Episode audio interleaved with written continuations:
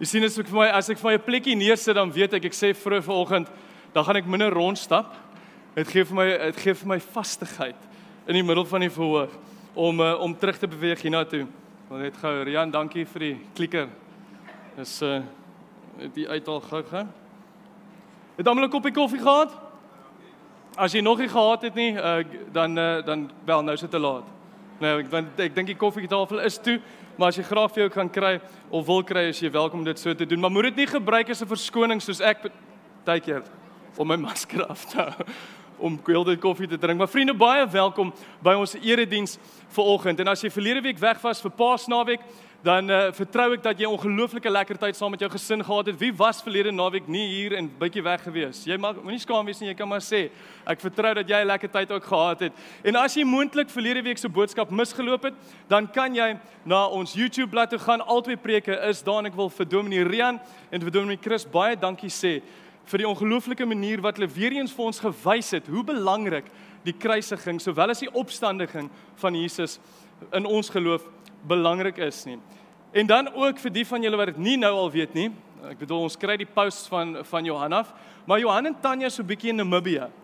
En uh, ek het gisteraand met hom gesels. Hy sê hierdie week was maar 'n moeilike week. Hy sê van die manne wat se karre 'n bietjie ouer was, het so 'n bietjie gesukkel en hulle moes maar help waar hulle kon. En ehm um, ons is dankbaar en ons vertrou ook dat die Here vir hom en vir Tanya genoegsame rus sal gee om weer terug te kom om ons hier te lei. En vir die mense wat aanlyn ingeskakel is, ons wil vir julle ook baie welkom sê. Ek weet Rian het vir julle 'n ander klap gegee. Kom ons welkom hulle net weer daar aanlyn. En dit is my voorreg om ver oggend saam met julle ook waar ook al jy ver oggend af ingeskakel is, hierdie boodskap te deel. So laat weet vir ons in die comments waarvan af jy ingeskakel is en dan ook daar's kontakbesonderhede as jy graag met iemand in verbinding wil tree by die kerkkantore en vul dit vir ons in en asseblief ons sê dit julle net dat julle weet. Daar's so baie goed wat gedeel word elke dag en ons vra dat oorweeg dit net om hierdie boodskap te like en te share en dan ook te deel met mense, maar ook om te subscribe. Dis nou Engelse woorde, ek jammer, dit moet hom maar deurkom. Wat is subscribe in Afrikaans? Kan jy hoor die boom met die ding hier? Aanteken, aanteken. Dis okay. Inteken, aanteken, doen hy subscribing ding. So, as jy nog nie 'n Bybelboekie gekry het nie, is jy welkom om voor vir jou een te kry. Uh ons het al klaar die afgelope 2 weke begin met die naamlose helde en jy's welkom om daar te kry. So, is almal reg? Ek het die voorreg gekry om vanoggend die naamlose helde die eerste diens te doen of die eerste preek daaromtrent en dis waar ons oor of waaroor ons vandag gaan gesels. So reg deur die Bybel, vriende, het ons geleer van 'n klomp geloofshelde. Ons het mense hier soos Abraham en soos Isak en dan ook Jakob en ons hulle het 'n groot indruk op elkeen van ons en in die koninkryk gemaak. Ons het kinderdae helde gehad.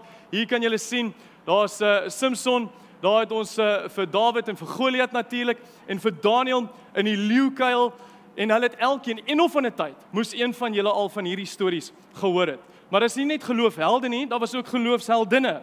En ons sien vir Deborah in Rigters natuurlik en dan het ons vir Ester en vir Rut en dan beweeg ons in die Nuwe Testament in en dan sien ons seker die grootste geloofsheldin van almal wat Maria moes wees, want sy's gekies om die Here Jesus in die lewe te bring en nie om nie want dit is seker dood nê. Maar aan hom geboorte te gee. So wat 'n voorreg moes dit nie gewees het nie. En dan kry ons in die Nuwe Testamentiese helde. Ons weet almal van Petrus wat op water kon loop en dan ook al het hy Jesus 3 keer verloon. Kies Jesus nog steeds vir hom om die rots te wees waarop hy sy kerk bou. En ons sê baie na Jesus is Paulus seker die grootste of het die grootste impak op die Nuwe Testamentiese kerk gehad en hy het natuurlik die hele Midde-Ooste sowel sowel as die antieke uh uh Asië en Midde-Ooste en Europa omgekeer met die evangelie.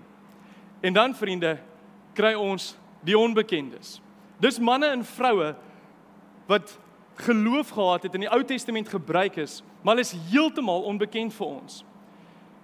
En dan kry jy tussen hierdie onbekendes weer van hulle wat totaal en al naamloos was. En dit is waar ons gaan gesels. Hulle geloof en gehoorsaamheid in die Here is opgeteken in die Bybel sonder dat enige van hulle verwag het dat hulle name wel in die Bybel moes opgeteken word. En so kan ek en jy vandag oor hulle gesels. En ons baie keer, ek weet nie of jy jouself vind nie, maar jy baie keer lees ons so vinnig deur die woord van God dat ons moontlik hierdie kleiner stories en die karakters wat daarin is as ons hulle so kan noem. Ons ons ons lees dit net mis.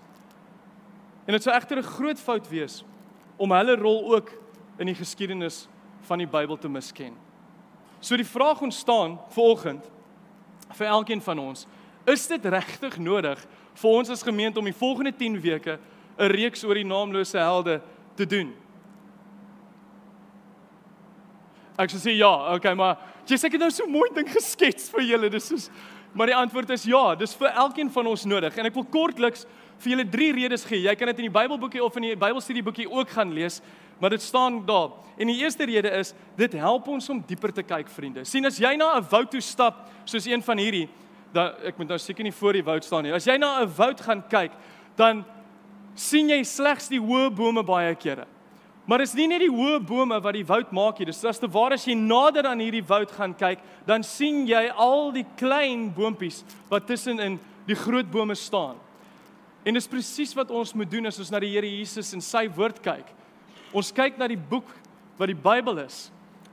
Maar die kleiner karakters en die kleiner stories kleur dit vir ons soveel beter in. En soms het ek gesê lees ons so vinnig daardeur. Ek wil amper sê dis 'n mooi Afrikaanse woord. sien julle daardie majestueuse bome? Hè? Vir Engelse man is dit maar pikant, né? Ja. Of verruklike woorde. It's not doing too bad.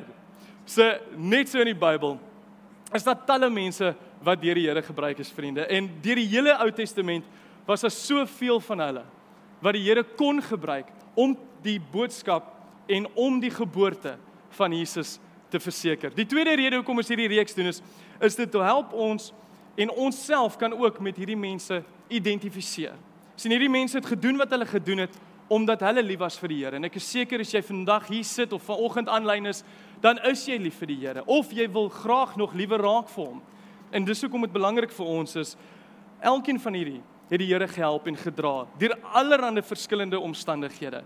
En hulle het gedoen wat hulle gedoen het nie om hulle name in die Bybel te kry nie, maar omdat hulle lief was vir die Here. En ons kan elkeen van hierdie naamlose helde wat ons in hierdie reeks gaan doen, gaan ons van elkeen van hulle iets kan leer van hulle aksies teenoor mekaar en hoe of hoe hulle met mense gewerk het. Die derde ding wat ons kan leer is 'n grootte vir elkeen van ons, né? Nee. En dis nederigheid. Dis dis daai net daar.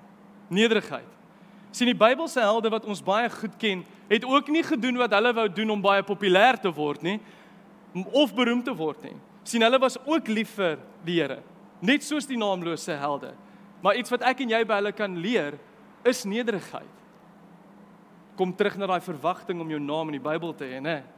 Dis 'n persoonlike karakterles vir elkeen van ons wat ver oggend hierso sit.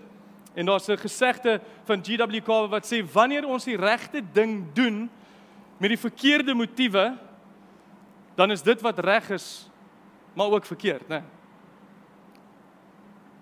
So ek en jy moet doen wat ons doen omdat ons lief is vir die Here en nie omdat ons enigiets anders behalwe lief is vir hom nie. Matteus 22 22 vers 37 lees ons die volgende. Dit sê ons moet die Here ons God lief hê met ons hele hart, met ons hele siel en met ons hele verstand. En dit is vir my en jou 'n geleentheid om elke dag ons motiewe te toets. Doen ek en jy daagliks goed? Soos Matteus 6 vers 1 sê, om gesien te word of doen ons goed in die koninkryk van God omdat ons lief is vir hom. So dit is die redes, vriende, as jy dit nou nog nie het nie, weer eens gaan kyk dit dan nou maar op YouTube of lees dit in die boekie, maar dis die drie redes hoekom ons hierdie Bybelstudie gaan doen. Is om dieper na die woord van God te kyk. Dis om te identifiseer met hulle en om by hulle te leer en dan ook om nederigheid te leer. So voordat ons verder gaan en voordat ons uit die Here se woord lees, kom ons staan op, gryp jou Bybel. Ek hoop jy het een by jou. As jy nie het nie, hou jou foon vas. Dis ook natuurlik vir ons 'n geleentheid om op te staan. Kom ons sê saam. Dit is my Bybel. Ek is wat dit sê ek is. Ek het wat dit sê ek het. Ek kan doen wat dit sê ek kan doen. Met my mond bely ek. En met my hart glo ek dat Jesus die Here is. Amen. Amen. Kom ons sit. Vriende, julle kan julle Bybels blaai na Markus 2. Ons lees uit Markus 2 vanoggend. Ek sal vir julle geleentheid kry kry jou Bible app oop oop op vir jou, nie oop nie, oop of dan natuurlik jou Bybel en dan lees ons saam. Ek gaan dit ook op die skerm hê. Moenie moenie van die skerm vergeet nie. Kom ons lees saam. Dit sê Jesus genees 'n verlamde man. Toe Jesus na 'n paar dae weer in Kapernaum kom, het dit bekend geword dat hy by die huis is. Baie mense het daar saamgedrom, so sodat daar selfs by die deur nie meer plek was nie. Hy was besig om met hulle oor sy boodskap te praat. Daar kom toe mense wat 'n verlamde man na hom toe bring. Vier van hulle het hom gedra. Ekskuus julle, wat ek net gou vinnig my Dit raak die Bybel is groot, maar dit raak nou moeilik om uh, om om te kan lees. Nou is nou nou nou lyk like dit sommer pragtig. Toe hulle hom weens die gedrag nie of nie gedrang nie by Jesus kon kry nie, breek hulle die dak reg bokant hom oop en nadat hulle 'n opening in die dak gemaak het, laat hulle die draagbaar daardeur afsak. Toe Jesus hulle geloof sien, sê hy vir die verlamde: "Vriend, jou sondes word vergewe." Ons lees in vers 6 verder, maar sommige van die skrifgeleerders het daar gesit en hulle afgevra. En natuurlik dis die skrifgeleerders het gekom want hulle het gehoor van Jesus en alles wat hy doen en hulle wou hom uitvang as hulle kon. Waarom sê hy so? Hy praat mos godslasterlik. Wie kan sondes vergewe behalwe God alleen? Jesus het dadelik geweet dat hulle by hulle self so redeneer. Hy sê toe vir hulle: "Wat redeneer julle? Julle of by julle self hieroor? Wat is makliker om vir die verlamde man te sê jou sondes word vergewe of om te sê staan op, vat jou draagbaar en loop?" Maar ek gaan nou vir julle die bewys lewer dat die seun van die mens volmag het om op die aarde sondes te vergewe. Hy sê toe vir die verlamde man: "Ek sê vir jou, staan op, vat jou draagbaar en gaan huis toe." In vers 12, hy het opgestaan, dadelik sy draagbaar gevat en voor die oë van almal uitgestap. Hieroor was hulle almal verbaas en het hulle God geprys en gesê: "So iets het ons nog nooit gesien nie." Ongelooflike skrif. Maar voordat ons verder gaan, kom ons maak ons oë toe. Nou vra ons net die Here se seën oor vanoggend. Vader, ons wil vir U dankie sê dat U seun vir ons gestuur het om op 'n kruis te sterf sodat ons vanoggend hier kan sit en weet Vader dat U liefde en genade groot is, Here. Vader, ek bid dat U vanoggend met elkeen van ons sal kom werk en dat U deur die Heilige Gees U woord in elkeen van ons harte sal kom laat resoneer, Here. En dat U vir elke persoon wat vanoggend hier is of aanlyn ingeskakel is, dat U vir elkeen of U self en elkeen sal kom openbaar, Here. Here, ek bid dat U vir my ook die nodige wysheid sal gee om vanoggend U woord oop te breek sodat ons elke dag iets daaruit kan leer om meer en meer soos U te kan word. Ons dankie Vader in Jesus naam. Amen. Amen. Julle ek wil graag vir julle 'n bietjie konteks gee. Ek dink ons begin hier by Markus 2, maar net vir 'n bietjie konteks. Op hierdie stadium as jy Markus 1 gaan lees, dan sal jy sien ons lees 'n bietjie oor Johannes die Doper en dan word Jesus gedoop. En net nadat hy gedoop is, is hy versoek in die woestyn en dan begin hy om te preek. Nou dis die area ons weet Jesus is in Nasaret gebore, maar hy het in Kapernaum daarbo is 'n pragtige Rian, hierdie is 'n pragtige dingetjie, hoor. Ek hou van dit. Baie dankie. Maar hy het in Kapernaum het hy sy het hy sy bediening uit of bedryf. En hy roep toe sy eerste disippels en toe hy in een van hierdie sinagoges in Kapernaum was, het hy 'n besetene van 'n onrein gees genees. En toe stap hulle daar uit en hulle is op pad na Petrus se huis toe en hulle het sy skoonmoeder ook gaan genees. U sien sy bedienings en sy genesings het aangegaan. Totdat Jesus een oggend buitentoe gestap het en 'n alleen plekkie gesoek het. Want almal het heeltyd na hom toe gekom om genees te word. Hulle wou sien wat hy volgende gaan doen. En hy gaan na 'n plek op sy eie om te bid. En Simon kom na hom oor te gestap met 'n paar van die ander manne en hulle sê vir hom: "Here, waar is hy? Hier's mense wat hy soek." En ons lees verder in Markus 1 vers 35 na 39 sê hy die volgende woorde: "Laat ons elders anders heen gaan, na die nabye geleë dorpies toe, sodat ek daar ook kan preek, want daarvoor het ek gekom." Hy het toe gegaan en dwars deur Galilea in hulle sinagoges gepreek en bose geestes uitgedryf. Jy sien dis ook op pad terug. Ek gaan sommer gou vinnig teruggaan. Dis ook toe hy op pad terug is van hierdie dorpies terug Kapernaum toe is. Waar hy 'n melaatse man ontmoet het en hy sê die melaatse man smeek vir Jesus: "Here, as dit U wil is, sal U my genees." En natuurlik, ons ken vir Jesus en hy's genadig en hy wou. En hy genees hierdie man. Maar hy sê ook vir hom, soos wat hy vir al die ouens of vrouens gesê het, moenie gaan vertel wat ek gedoen het nie. Volg die regte orde. Neem jou offertempel toe gaan wys vir die fariseërs dat jy gesond is. Maar dink julle hy het dit gedoen? Nee. Hy kon nie stil bly nie. Hy het land en sand gaan vertel van sy genesing. En ek wil gou vinnig hier stil staan. Dit snaaks dat elke keer wat Jesus iemand genees het, het hy vir hulle gesê moenie iets daaroor sê nie. Maar tog in sy woord sê hy die volgende. Hy sê gaan na die uithoeke van die wêreld my kind en gaan vertel almal van my. Partykeer doen ons dit nie, né? Hy sê vir jou dis ek wonder of dit soos ons kinders is. Hy sê vir jou moenie iets doen nie, dan doen hulle dit. Soos dalk iets om oor te dink as ons na hierdie reeks kyk. Sien dis Jesus se bediening en mense wat na hom toe gestroom het, dit vir hom baie moeilik gemaak om te doen wat hy graag wou doen. En dit is preek. En dis hier waar ons nou vir Jesus in Markus 2 ontmoet. Ons het gelees in vers 1 tot 2 dit sê toe Jesus na 'n paar dae weer in Kapernaum kom, het dit bekend geword dat hy by die huis is. Nou daar's baie goed geskryf oor wie se huis dit is. Verwys hy terug na vers 2 of 29 waar ons nou gesê het, hulle was by Simon Petrus se huis of Andreas se huis. Party mense skryf natuurlik, maar daar's nie baie bewyse daarvan dat dit moontlik selfs Jesus se huis kon gewees het in Kapernaum. Ons gaan nou aanneem uit vers 29 uit dat sy bediening uit Petrus hulle se huis gedoen of geskied word. En dis 'n groot oomblik hierdie vriende. Dis 'n groot oomblik vers 2. Baie mense het daar saamgedrom sodat daar selfs by die deur nie meer plek was nie. Hy was besig om met hulle oor sy boodskap.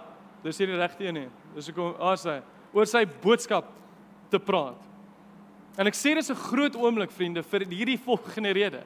Dis baie maklik om vandag groot skares bymekaar te kan trek. Maar dis wat ons met daardie skares maak, skares maak wat saak maak. Jesus kon hierdie ge, hierdie geleentheid gebruik het waar in die huis was waar mense daar was. Mense was buite, dis vol binne in die huis. Hy kon daardie geleentheid gebruik het om sy eie popularity, né, verder te vat. Maar dis nie wat hy gedoen het nie. Hy wou die boodskap bring. In vers 3 tot 5 het ons verder gelees as sê daar kom toe mense wat 'n verlamde man hom toe bring. Vier van hulle het hom gedra. Toe hulle hom weens die gedrang nie by Jesus kon kry nie, breek hulle die dak reg bokant hom oop. En nadat hulle opening in die dak gemaak het, laat hulle die draagbaar waarop die verlamde man gelê het daardeur afsak. Toe Jesus hulle geloof sien, belangrike stukkie, sê hy vir die verlamde: "Vriend, jou sondes word vergewe." Nou vers 5 tot 12 is 'n groot teksvers in stuk op sy eie. En ons gaan nie vandag daarop fokus nie. Daar is Woensdag daar gesels in Bybelstudie, Maar dis nie waarop ons fokus nie. Ons fokus op die naamlose helde en dis wat ek ver oggend wil doen.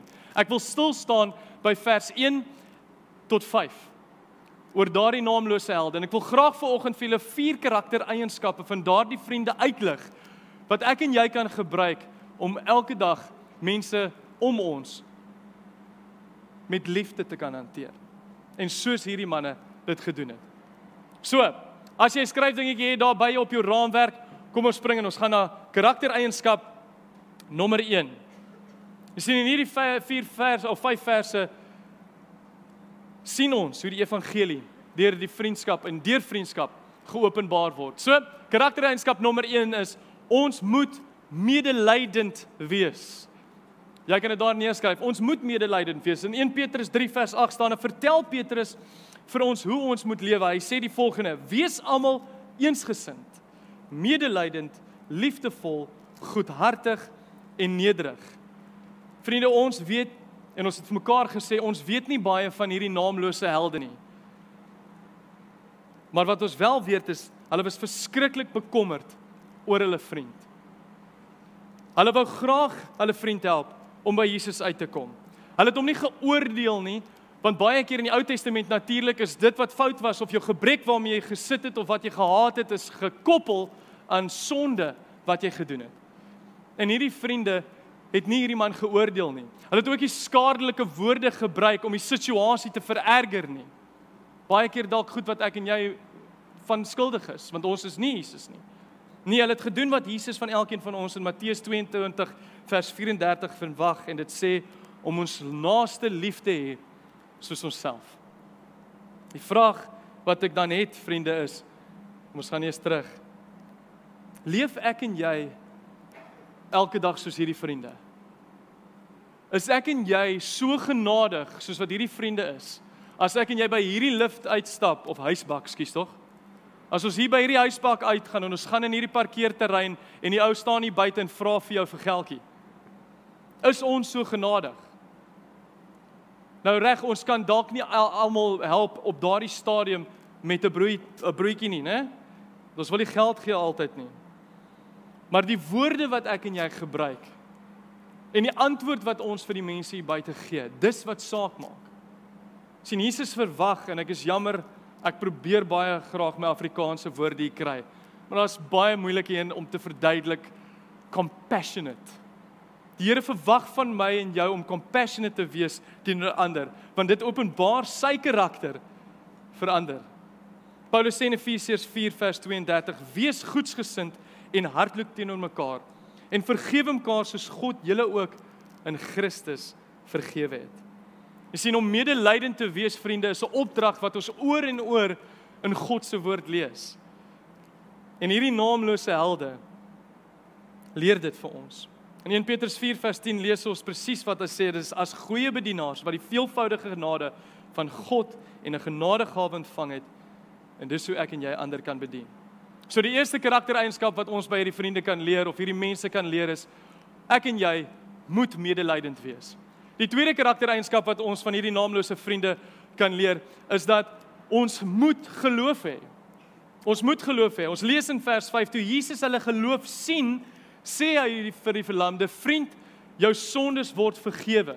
En Jesus verwys hier nie na die verlamde man, daar staan nie, hy sê toe na sy, nee, hy sê toe hy die vriende se geloof sien en dit wil sê hulle geloof is die van die naamlose vriende. En het hy daarop gereageer om eers die man se sondes te vergewe. Wat 'n moeilike ding, nee, hy hy wou mos nou eers vir die mense geleentheid gee om te glo voordat hy hom laat loop. En hierdie naamlose helde het totaal en al geglo dat Jesus aan hulle vriend se behoeftes sal voorsien. Hulle het nie vir 'n oomblik getwyfel in Jesus se vermoë nie.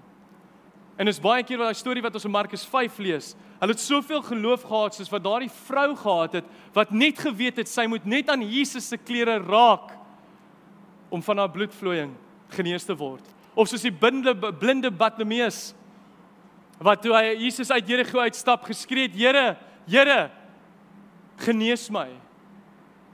En hy het geloof gehad.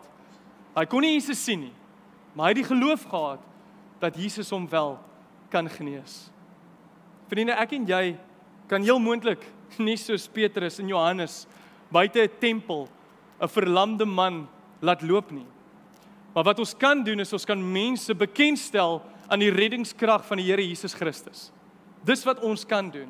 En ons moet geloof hê dat Jesus deur die Heilige Gees vandag nog mense kan en wil red. En hy nog wonderwerke in sy wil vandag kan doen. Ons weet nie ek klaar gesê ons weet nie baie van hierdie helde nie. Maar hulle moes of van Jesus gehoor het of hulle moes van Jesus gesien het en hulle het die geloof gehad dat Jesus hulle vriend kon genees.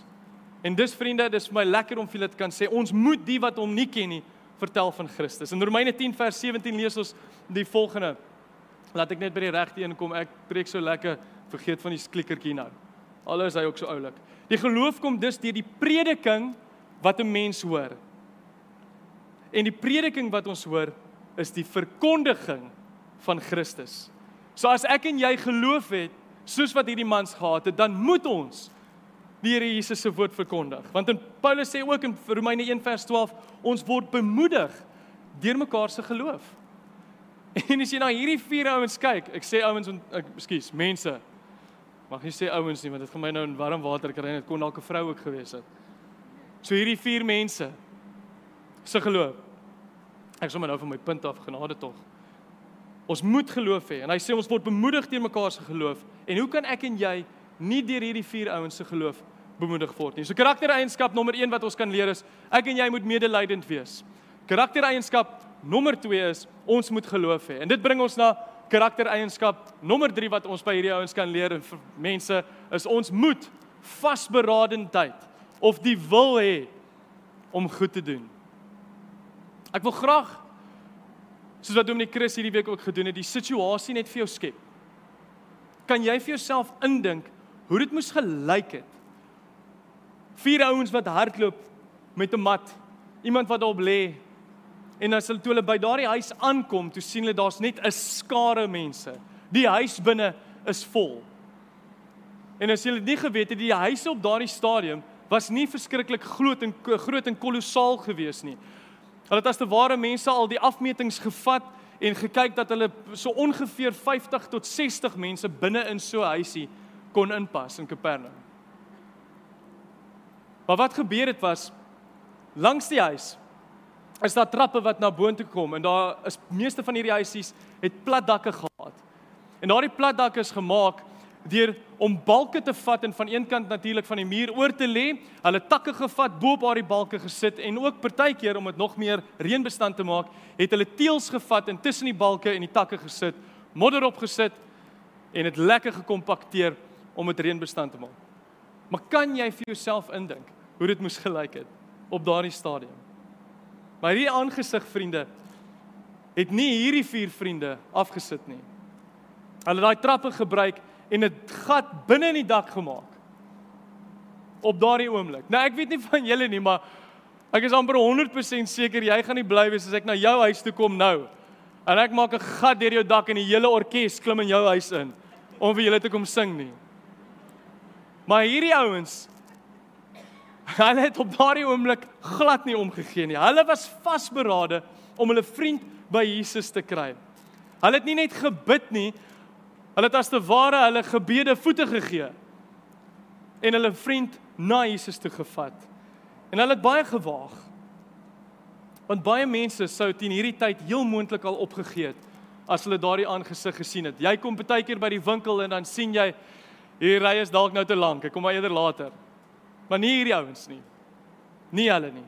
Hulle het gewaag om buite die boks te dink, by daardie trappe op te hardloop en die ongewone ding en dalk 'n dier ding Want ek vir jy verwag seker om my van my om daai dak te betaal as ek klaar is, né? Om 'n gat in die dak te maak om hulle vriend by Jesus se voete te kry. En dan kan jy weer vir jouself indink dat jy binne in daardie huisie sit. En jy kyk op en is net grond wat inval en takke wat instroom. En in daardie oomblik wonder ek ook wat deur Jesus se kop gegaan het. Maar as ek moet dink daaroor dan het ek dan dink ek Ek weet dis 'n ek ding en ons mag nie ons binne in die woord sit nie. Maar ek wonder of Jesus op daardie oomblik nie gedink het en geweet het dat geloof nie net 'n gevoel is nie. Want sien gevoelens vriende kan verander. Hulle was vasberade en hulle het geweet dat geloof in dade en deurdade bevestig moet word. Ons lees in Jakobus 2 vers 14 die volgende daar staan: Wat help dit my broers as iemand beweer dat hy glo, maar sy dade bevestig dit nie? Kan so geloof 'n mens red? In vers 17 lees ons verder, so gaan dit ook met die geloof.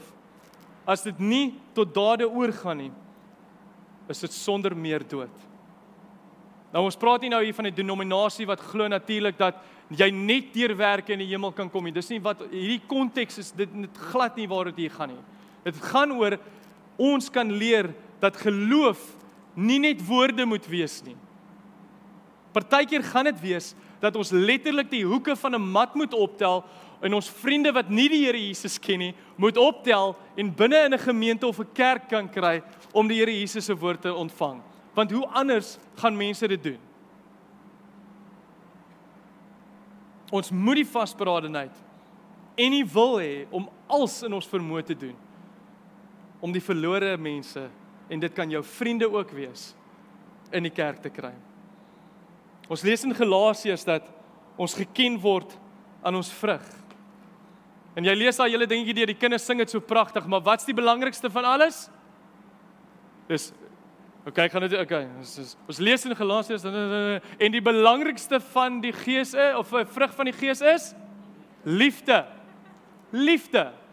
En dis die vierde karaktereienskap wat ek en jy van hierdie naamlose vriende kan leer. Ons moet lief wees vir ander. Ek wonder ook, dink julle dat hierdie mense deur al die moeite sou gaan om daai man te dra as hulle nie lief was of nie lief was vir hom nie. Jy sien, dit is in my en jou natuur om uit ons pad uit te gaan vir mense waarvoor ons lief is. En ek dink hierdie manne en of vrou, ek gaan nou skryf by manne want dit is die bewyse wys manne, skus vrouens. Julle moet maar weet dit is manne nou die keer. Okay, ek het probeer nie sê heeltyd nie. Maar hulle het 'n broederlike liefde vir hierdie man gehad. En hulle het als hulle vermoë gedoen om te help dat hy fisies en geestelik gehelp word. Hulle het die verlamde man nie geoordeel nie, maar gedoen wat soos die woord in 1 Johannes 4 vers 7 tot 10 vir ons sê. Geliefdes, ons moet mekaar lief hê want liefde kom van God. En elkeen wat liefhet, is 'n kind van God en ken God. Wie nie liefhet nie, het geen kennis van God nie, want God is liefde. Hierin is God se liefde vir ons geopenbaar. Sy enigste seun het hy na die wêreld toe gestuur sodat ons deur hom die lewe kan hê. Werklike liefde is dit nie. Die liefde wat ons vir God het nie, maar die liefde wat hy aan ons bewys het deur sy seun te stuur as verzoening vir my en vir jou sondes. En vriende, hiermee gaan ek nou afsluit. Rupert, jy kan opkom. Jesus vergewe 'n verlamde man en laat hom loop omdat vier naamlose helde medelydend en liefdevol was. Hulle het 'n onwankelbare geloof gehad en het 'n vasberadenheid en 'n wil gehad om iemand op die enigste antwoord wat hulle op daardie oomblik geweet het gaan werk te kry. En dis Jesus. So my uitdaging aan julle vriende is die volgende. Gaan jy 'n vriend wees wat 'n draagbaarse hoek sal optel, mense na die kerk toe sal bring om evangelie te hoor? Dakke sal afbreek, mure sal omstoot. Dalk nie nie nou nie letterlik dit gaan doen nie, reg? Of gaan jy een van daardie vriende wees wat buite die huis van Jesus staan en 'n verskoning gaan hê hoekom jy dit nie kan doen nie. Daar's 'n gesegde wat gaan If it's important to you, you'll find a way. If not, you'll find an excuse. So dis iets wat ek en jy kan leer. Gaan ek en jy 'n manier vind of gaan ons maar net aangaan en 'n verskoning soek? Hoekom ons as die Here Jesus se kinders nie ander wat hom nie ken by sy voete kan bring en hulle aan hom bekend kan maak. Kom ons maak ons oop toe. Here ons wil vir U dankie sê. Here ons wil U dankie sê dat ons uit hierdie naamlose vriende kan sien Vader dat ons as as U kinders medelydend moet wees en liefdevol moet wees en liefde aan ander moet bewys Here want U verwag dit van elkeen van ons in ons woord. Nie net om U lief te hê nie, maar ook ons broers en susters soos onsself lief te hê. Vader, ek bid dat elkeen van ons bemoedig sal word en sal versterk word deur die Heilige Gees om 'n onwankelbare geloof te hê. Here dat ons 'n vasberadenheid sal hê en 'n wil sal hê om uit te gaan in hierdie wêreld om mense na U toe te lei. Here, ons is dankbaar dat ons die geleentheid kry om as gelowiges bymekaar te kan wees op 'n Sondagoggend op 'n televisieskerm te kan kyk na die boodskap, Here, om te weet dat as ons U in ons harte in verwelkom, dan gaan ons harte verander. En Here, U verwag niks minder dat ons moet uitgaan en U woord verkondig, nie Here. Ons is klaar verskonings gemaak en ons wil nou 'n mat optel. Ons wil mure afbreek vir U Vader om die verloores daar buite met die verkondiging van Christus se woord te bereik, Here. Here, ons is dankbaar dat ons hier kan wees. Dankie vir die liefde soos ek sê en dankie vir die genade. Vriende, kom ons staan op. Kom ons loof en prys die Here. Kom ons vat dit as 'n challenge vir elkeen van ons. Gaan jy vanoggend opstaan en daardie persoon wees wat daai mat optel om mense die Here se huis te kry? Kom ons sing saam. Amen.